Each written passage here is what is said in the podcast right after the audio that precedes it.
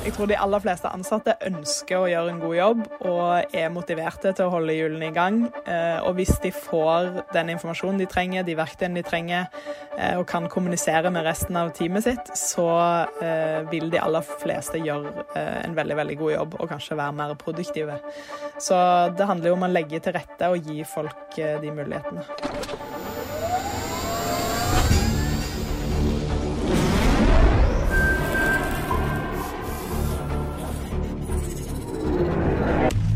Velkommen til Teknisk sett, en podkast fra TU. Mitt navn er Jan Moberg, og jeg sitter hjemme. Det gjør også du, Odd-Rikard. Ja, Jan. Men jeg kan se deg. Ser deg godt. Ja. Uh, ja, ja jeg, nå kan jeg slå av bildet, da. Så jeg, jeg slipper å se deg, egentlig. ja. Men, men Nei, Du er så fin å se på. Det er men, bra. Det er godt å hvile øyet på noe i disse koronatider. Ja, men du, du har brukt mye tid nede i kjelleren din foran, eh, foran PC-en og foran det kameraet som eh, På min PC så lyser det litt her i toppen. Ja, vet du hva. Jeg har aldri Jeg har brukt mye videokonferanse før. Aldri så mye som siste uka. Det er helt utrolig. Savner du kontoret? Ja, jeg har jo ganske greit hjemmekontor, så jeg, og jeg opplever jo at jeg blir jo faktisk mer produktiv her. I stedet for å reise til Elverum og intervjue en kar her om dagen, så gjorde de det på videokonferanse. Jeg sendte ned en lenke, logget inn her, og vi snakka i vei. Ja. Kommer vi til å klare å dra deg tilbake til kontoret i Grensen 3? Eh, kanskje. Kanskje. Dette er veldig effektivt, ja. Jan. Det er det. Og det tror, jeg, det tror jeg faktisk det norske folk opplever. Ja. Men derfor så må vi snakke litt om, eh, om videokonferanser og disse produktene, for det finnes jo ganske mange av de. Ja. Og jeg vet jo at uh, dette er jo innehar jo faktisk en del plasser på din uh, liste over 687 favorittområder. I høyeste grad. Så det er jo veldig mye vi kan snakke om. Men, men det er jo litt spennende da, at vi i dag ikke skal snakke om uh, noen av de store amerikanske, men vi skal ta fatt i et produkt som i høy grad er utviklet her hjemme i Norge. Ja. Og da har vi fått med oss noe så fancy som Chief Product and Technology Officer i Whereby. Ingrid Ødegaard, velkommen. Nå ser vi deg òg. Hei. Hei, hei. Du, du må jo uh, fortelle oss først uh, vi, har, vi, har, jo kjent hverandre lenge, og det er jo, det er jo faktisk ganske mange år siden Odd Rikard plaget deg for første gang. Ja, det er litt flashback til den, eh, det intervjuet her med å ta screenshot eh, i et uh, videorom. Den gangen var det i Appearin, og nå er det i Whereby. Men før vi begynner på historien til Whereby og, og det, kan du fortelle oss litt om utviklingen nå de siste par ukene?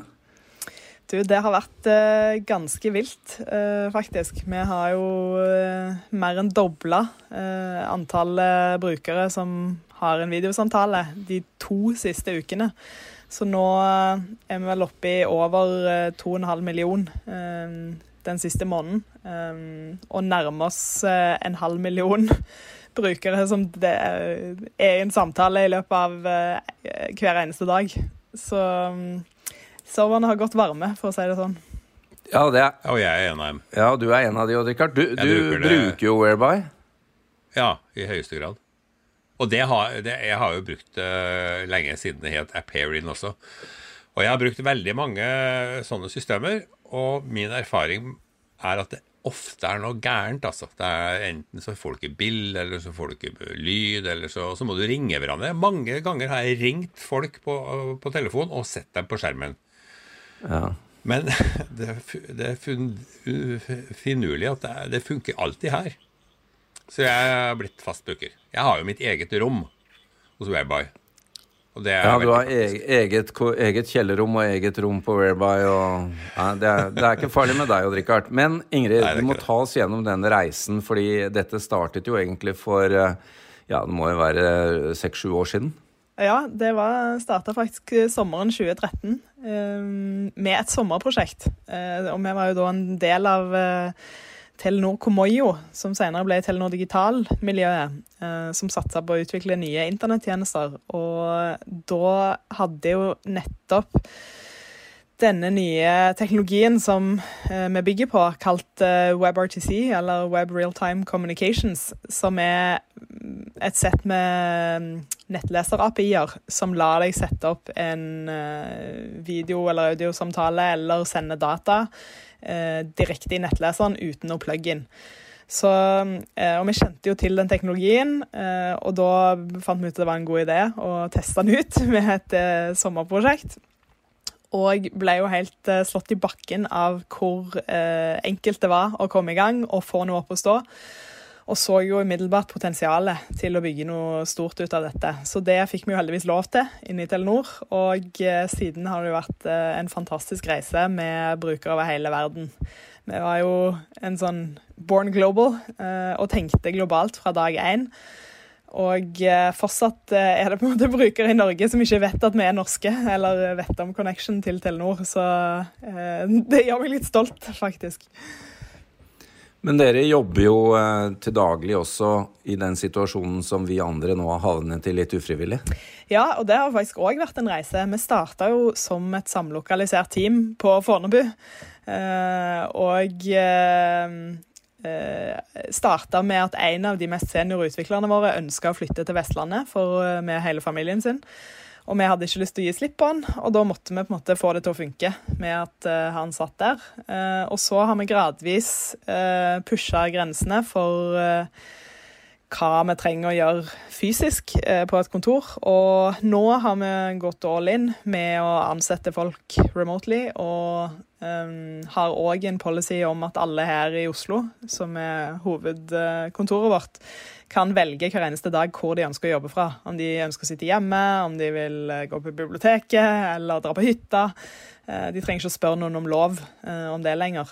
Så, og det, som Odd Rikard sa, det er noe folk virkelig setter pris på, og gjør at de eh, føler at de blir mer produktive og klarer å balansere familieliv, eh, stress, eh, pendling på en mye bedre måte enn eh, en de har gjort før. Ja, Er det noe du vil anbefale oss andre også, eller er det fordi dere attraherer en spesiell type mennesker? Nei, altså vi er et ganske variert team. Vi har alt fra liksom uh, single menn i 20-årene til uh, småbarnsmødre som meg, til uh, de som har både to og tre barn og skal på fotballtrening. Så eh, altså Til og med før denne krisen så jobba jo vi med å evangelisere litt dette med fleksibel jobbing. Eh, og jeg velger å kalle det det, i stedet for å snakke om eh, remote work eller fjernjobbing. Fordi eh, fleksibel jobbing handler jo egentlig om å introdusere fleksibilitet. Eh, det handler ikke om at alle nødvendigvis skal sitte på forskjellige steder hele tiden. Um, men det handler om at når behovet er der, så kan du være produktiv fra uh, utenfor kontoret, eller fra hvor som helst, ideelt sett. Og det uh, skaper jo en sånn motstandsdyktighet i organisasjoner òg, som nå blir veldig synlig. At i kriser hvor folk ikke kommer seg på kontoret, så klarer organisasjonen å fortsette å fungere. Eh, så jeg tror jo at det er et utrolig stort potensial der, eh, hvis du bygger opp den evnen. Jeg er jo helt sikker på at det kommer til å skje. Altså Det vil vel bli en av de positive effektene av denne eh, krisa. Hvor langvarig den blir, det vet jeg ikke. men vi kommer til å bruke være mer hjemme og borte. Og, altså, I kontoret blir ikke så viktig lenger, fordi vi har lært oss å bruke nye digitale verktøy. Nærmest med tvang, mange selvfølgelig, men eh, det, det, det sitter godt i folk. Og der eh, tror jeg at det nå skjer en revolusjon, eh, og at det med denne krisen virkelig har kanskje akselerert den utviklingen som ellers ville skjedd med kanskje tre år. Fordi folk tvinges til å utforske de verktøyene som nå finnes. Og det har jo skjedd utrolig mye. Altså når vi starta Aperion i 2013, så ja. var det jo iPhone 4. Og det var så vidt de klarte å kjøre en eh, videokonferanse med den prosessoren. Mens nå har du jo mobiler som er bedre enn eh, mange laptoper. Eh, og verktøy som er utrolig brukervennlige og kan effektivisere både kommunikasjon og samarbeid og gjøre det mulig å sitte og være like produktive med noen som sitter på andre siden av kloden. Men Ingrid, du har jo holdt på med dette nå i årevis. Har du noen sånn Det er jo populært å få noen gode sånne råd til hjemmekontor og videobruken? Hva, hva er dine tre topptips? Ja, altså jeg tror det første er eh, kommunikasjon. Og det er jo viktig til vanlig òg, men det blir ekstra viktig når du ikke sitter sammen og kan overhøre det folk snakker om, eller bare gå bort og tappe noen på skulderen. Um, og som leder særlig, så er det veldig lett å undervurdere det informasjonsbehovet folk har, og særlig når alle sitter hjemme og lurer på hva skjer. Har noen tatt noen beslutninger som jeg bør vite om? Um, hva skal jeg prioritere? Og, der, eh, og, det leder meg kanskje til råd nummer to eh, nå i disse tider. Eh, ta litt harde prioriteringer. Se på hva er det viktigste at vi får gjort akkurat nå. Eh, og få med alle på det, eh, sånn at eh, de viktige tingene blir gjort. og nummer tre vil jeg si òg handler om tillit. Det er veldig mange som Eh, tenker at når folk sitter hjemme, så bruker de anledningen til å sitte på Facebook og VG og vaske klær og sånn. Og det gjør, eh, det gjør nok folk, men eh, ikke hele tiden. Jeg tror de aller fleste ansatte ønsker å gjøre en god jobb og er motiverte til å holde hjulene i gang. Eh, og hvis de får den informasjonen de trenger, de verktøyene de trenger, eh, og kan kommunisere med resten av teamet sitt, så eh, vil de aller fleste gjøre en veldig, veldig god jobb og kanskje være mer produktive. Så det handler jo om å legge til rette og gi folk eh, de mulighetene. Det er jo en myte at folk ikke er på Facebook og gjør andre ting på jobben også. De vasker kanskje ikke klær, men eh, de gjør jo mye annet da òg. Nettopp. Altså, altså, det er vel ingen mennesker som sitter og er høyproduktive i åtte timer om dagen. Nei, det finnes ikke. Du trenger de kaffepausene, og jeg, altså, en av utviklerne våre posta her om dagen at nei, nå har jeg gått meg en tur og tenkt på det problemet vi hadde, og nå, her har jeg et forslag. Så til og med det, altså i hvert fall i sånne kreative og tekniske yrker, så er det ikke alltid du kan trykke på en knapp og løse et problem.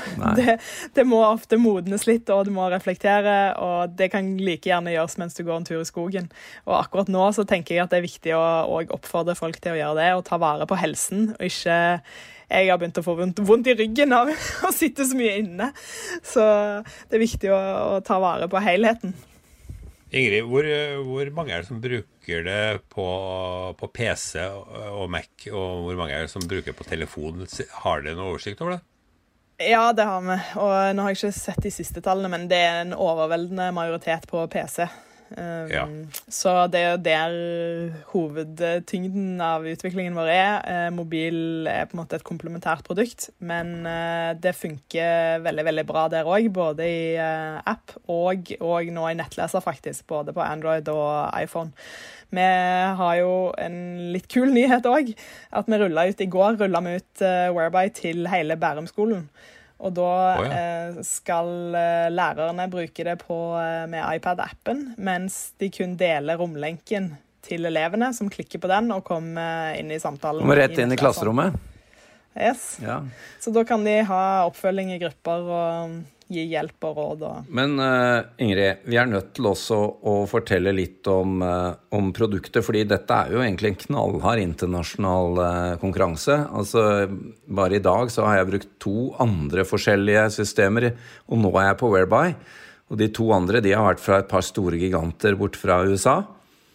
Uh, og så er det vel uh, verdt å nevne at grunnen til at dette har skjedd i Norge, er fordi du hadde noen nettutviklermiljøer og webutvikling, men du du må jo sammendra dette for oss. Hvorfor skal uh, Whereby ha suksess fra lille Norge når det finnes så mange andre alternativer? Ja, Det er et spørsmål jeg har fått mange ganger, og egentlig helt siden vi starta med at vi må være gale som skal konkurrere med Skype og Google og Microsoft. Så, men um, det er jo egentlig det som har skjedd. Altså Eh, Zoom, som jo nå er vel den største konkurrenten vår, ble starta av eh, Erik Johan, som òg starta Webex i sin tid og solgte det til Cisco. Og den gangen så sa alle sånn Å, nå er videokonferanse løst. Det er ferdig. Ingen kan innovere mer på det. Eh, og så gikk han ut og starta Zoom, fordi han syntes ikke at Cisco forvalta det på en god nok måte. Og nå sier alle at å, Zoom har løst det, det er bra nok. Men jeg syns jo ikke det er et veldig bra produkt. Ja, det fungerer godt sånn teknisk, men det er veldig mange ting som ikke er like elegant designa. Så vi ønsker jo å være et uh, alternativ, og òg uh, et europeisk alternativ uh, som fokuserer på privacy. Der har jo Zoom fått en del kritikk. Vi er jo òg vil jeg si kanskje den eneste tjenesten eh, sammenlignet med de store som har eh, veldig god støtte på tvers av browsere og operativsystemer, og ikke en del av en sånn world garden der, og vi investerer jo i det òg. Uh, og så har vi jo dette romkonseptet og fokuserer veldig på enkelhet. Og det at det skal være enkelt å bruke for alle. Både unge og gamle og marketingfolk og tekniske folk. Og uh, en veldig brei brukergruppe. Og òg at det skal være et menneskelig produkt. Og det har vi jo bygd det nye brandet vårt på.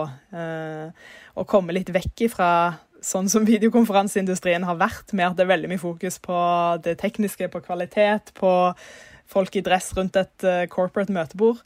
Uh, og heller det at folk sitter hjemme uh, med en laptop eller på en mobil og, og snakker med teamet sitt.